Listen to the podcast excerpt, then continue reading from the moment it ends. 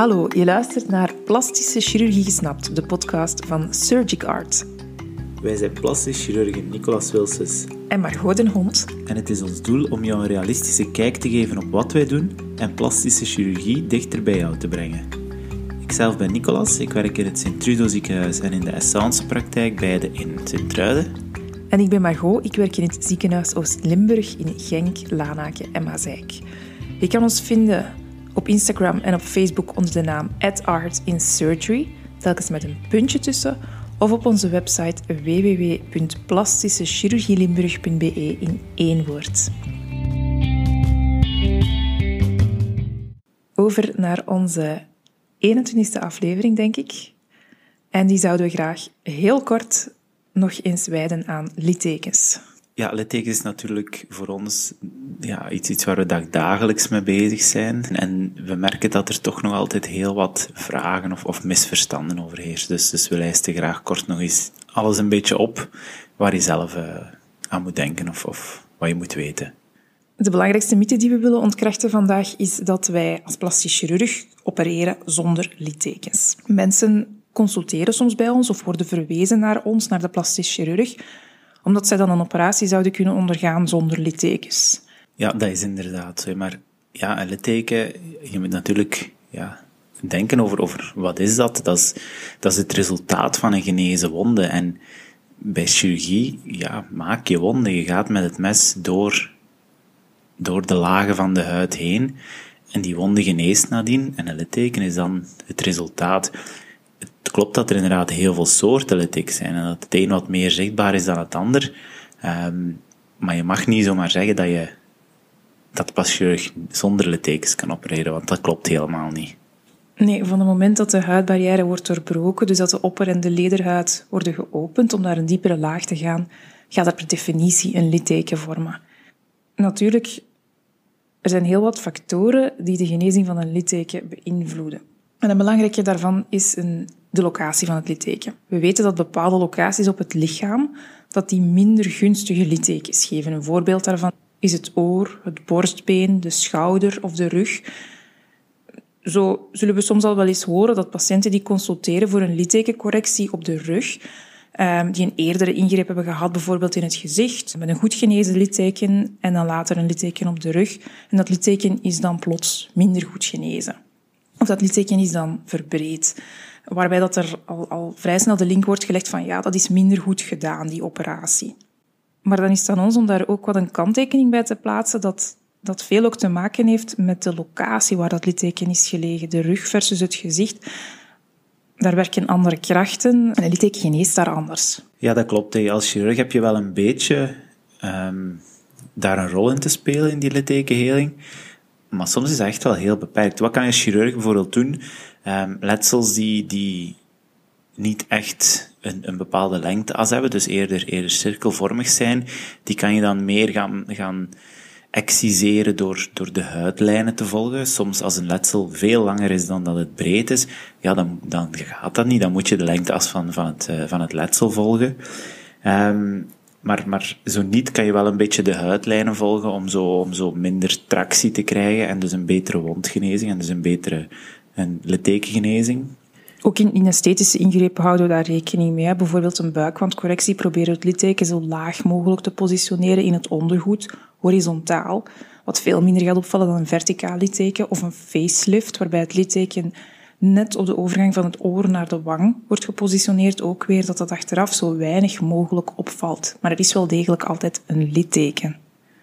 Er is ook een heel groot verschil wat het type wonde is. Dus, dus wij, maken, wij maken wonden met een vlijmscherp mes, dat is een heel ander gegeven dan een wonde die ontstaan is bijvoorbeeld um, na een auto-ongeval of, of met de motor gevallen te zijn en, en, en een paar meter over het asfalt geschuurd, um, of, of een grote complexe beenfractuur uh, waar, waar het bot uitsteekt of zo. Het zijn allemaal heel extreme gevallen, maar het, het concept is hoe scherper en hoe cleaner de cut, ja, hoe beter de wonden en bij gevolg ook het litteken vaak geneest. Ja, juist. Hè. En, en de keuze van, van materialen en van hechtingsdraad gaat daar ook wel ergens een rol in spelen. Ehm, we gaan er altijd voor kiezen om, afhankelijk van de spanning, een zo fijn mogelijk draadje te gebruiken dat maximaal onderhuids begraven ligt. Natuurlijk, in sommige gevallen is dat niet mogelijk als er veel weefsel is weggenomen of na een ongeval als er veel weefsel weg is. Dan moet er ook voor gekozen worden om een wonden op een veilige manier te sluiten. Dan is het niet altijd mogelijk om die esthetiek op de eerste plaats te zetten. Als je dan toch gaat proberen om dat met de fijnste draad en helemaal hermetisch af te sluiten, wat je dan soms krijgt is gewoon wonden die, die die bijvoorbeeld infecteren. En, en, en het resultaat daarvan is, is een nog veel lelijker litteken soms. Dus, dus wat je dan bijvoorbeeld bij, bij, bij, bij wat vuiler wonden, wat je dan eerder gaat doen, is een heel klein beetje spatie tussen de steken laten. Um, zodanig dat er, als er bijvoorbeeld etter zou willen uitkomen, dat dat ook kan, dat dat niet opbouwt en geen absces gaat vormen. Nu, dat is wat wij als chirurg kunnen, kunnen betekenen voor, voor jouw litteken en voor jouw wonden. Maar dat is eigenlijk maar een, maar een fractie van, van het aandeel dat je zelf hebt um, in, in jouw wonden, in je wondgenezing en in jouw littekenheling. En dan zijn er eerst en vooral zaken waar je zelf niet echt vat op hebt. Dat is natuurlijk je, je genetica. Um, wat is je huidtype? Welke huidskleur heb je? Ook dat kan een rol spelen. Um, dan zaken die, die gelinkt zijn aan je levensstijl, zoals je fysieke activiteit, je algemene gezondheidstoestand. Heb je al dan niet suikerziekte, rook je? Ook, ook die zaken hebben een heel grote rol in, in hoe mooi jouw litteken kan genezen. Ook na de operatie, in de mate waarin dat een litteken wordt belast, we geven bepaalde instructies mee na een operatie, bijvoorbeeld een borstoperatie, om in het begin oefeningen met de borstspier te beperken. Hetzelfde voor een buikwandoperatie, om, om de buikspieren wat te sparen. En daarnaast zijn er ook nog een hele hoop littekenmaatregelen die zeker een jaar belangrijk blijven om een litteken goed gehydrateerd te houden, om een litteken goed te beschermen tegen de zon met factor 50 en meer dan een jaar. Waarom vragen we dat? Omdat al die tijd het litteken nog aan het uitrijpen is. Een consistent toepassen van zo'n maatregelen, dat zorgt ervoor dat een litteken maximaal goed uitgeneest. Ja, zo'n litteken en zo'n wonde, dat gaat natuurlijk door, door verschillende fasen. En over het algemeen zeggen we dat een wonde, als alles goed gaat, als er geen postoperatieve infectie is en zo, na een tweetal weken ja, nagenoeg genezen is. Daar zal nog wel een, een korstje op staan. Um, maar, maar dat, dat is wel de periode dat we zo wat uit de wondfase geraken. En dan vangt de littekenfase aan. En dan zien we dat die, dat, dat litteken de eerste, de eerste paar weken, zes tot acht weken, dat dat hard gaat worden. Dat dat, dat, dat um, ja, heel strak gaat aanvoelen, dat dat heel hard gaat trekken, gaat ook heel rood zien. Um, en soms maken de mensen zich daar wel zorgen om. Bijvoorbeeld, als, zeker na bijvoorbeeld borstoperaties, en dan ja, die eerste paar weken is dat litteken heel hard.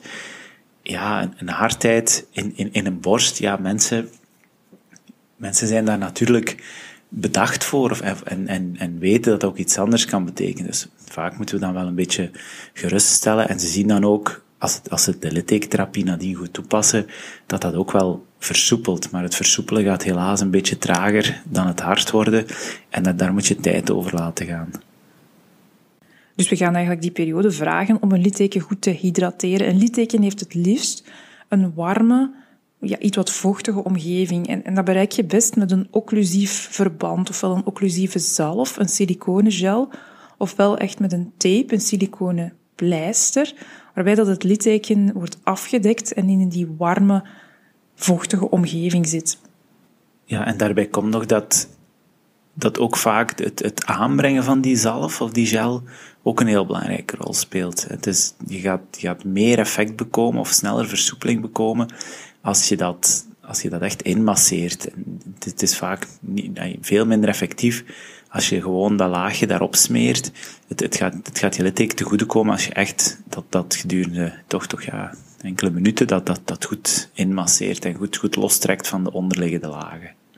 Ja, wat we vaak zeggen is, er bestaan heel veel goede littekencrèmes, er bestaan ook heel dure producten, maar wat voor, voor ons primeert, is dat je het consistent doet. Dus we hebben liever dat je consistent smeert met een product dat misschien niet het duurste product gaat zijn, maar waarvan dat je wel weet dat je het elke dag consistent gebruikt, heel het jaar lang, dan dat je een product koopt en dat één keer op een week, op een maand aanbrengt, want dat gaat geen effect hebben. Ja, enkel natuurlijk wanneer het niet de goede kant uit, uitgaat. En dat is dan bijvoorbeeld wanneer je litteken hypertroof wordt, of, of een kiloïd litteken aan het vormen is.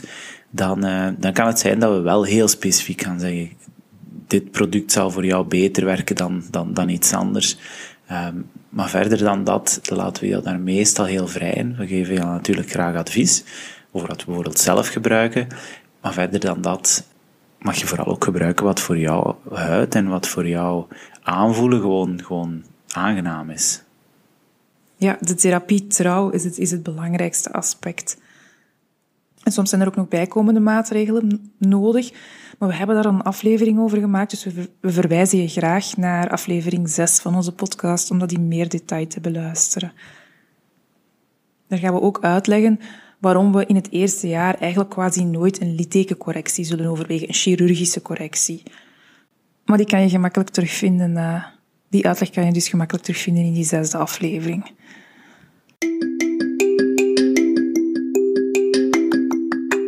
Oké, dan zullen we hier misschien afronden met deze korte maar krachtige boodschap. Wij opereren niet zonder littekens. Tot de volgende keer. Tot de volgende keer. Dankjewel. Dankjewel. Dag.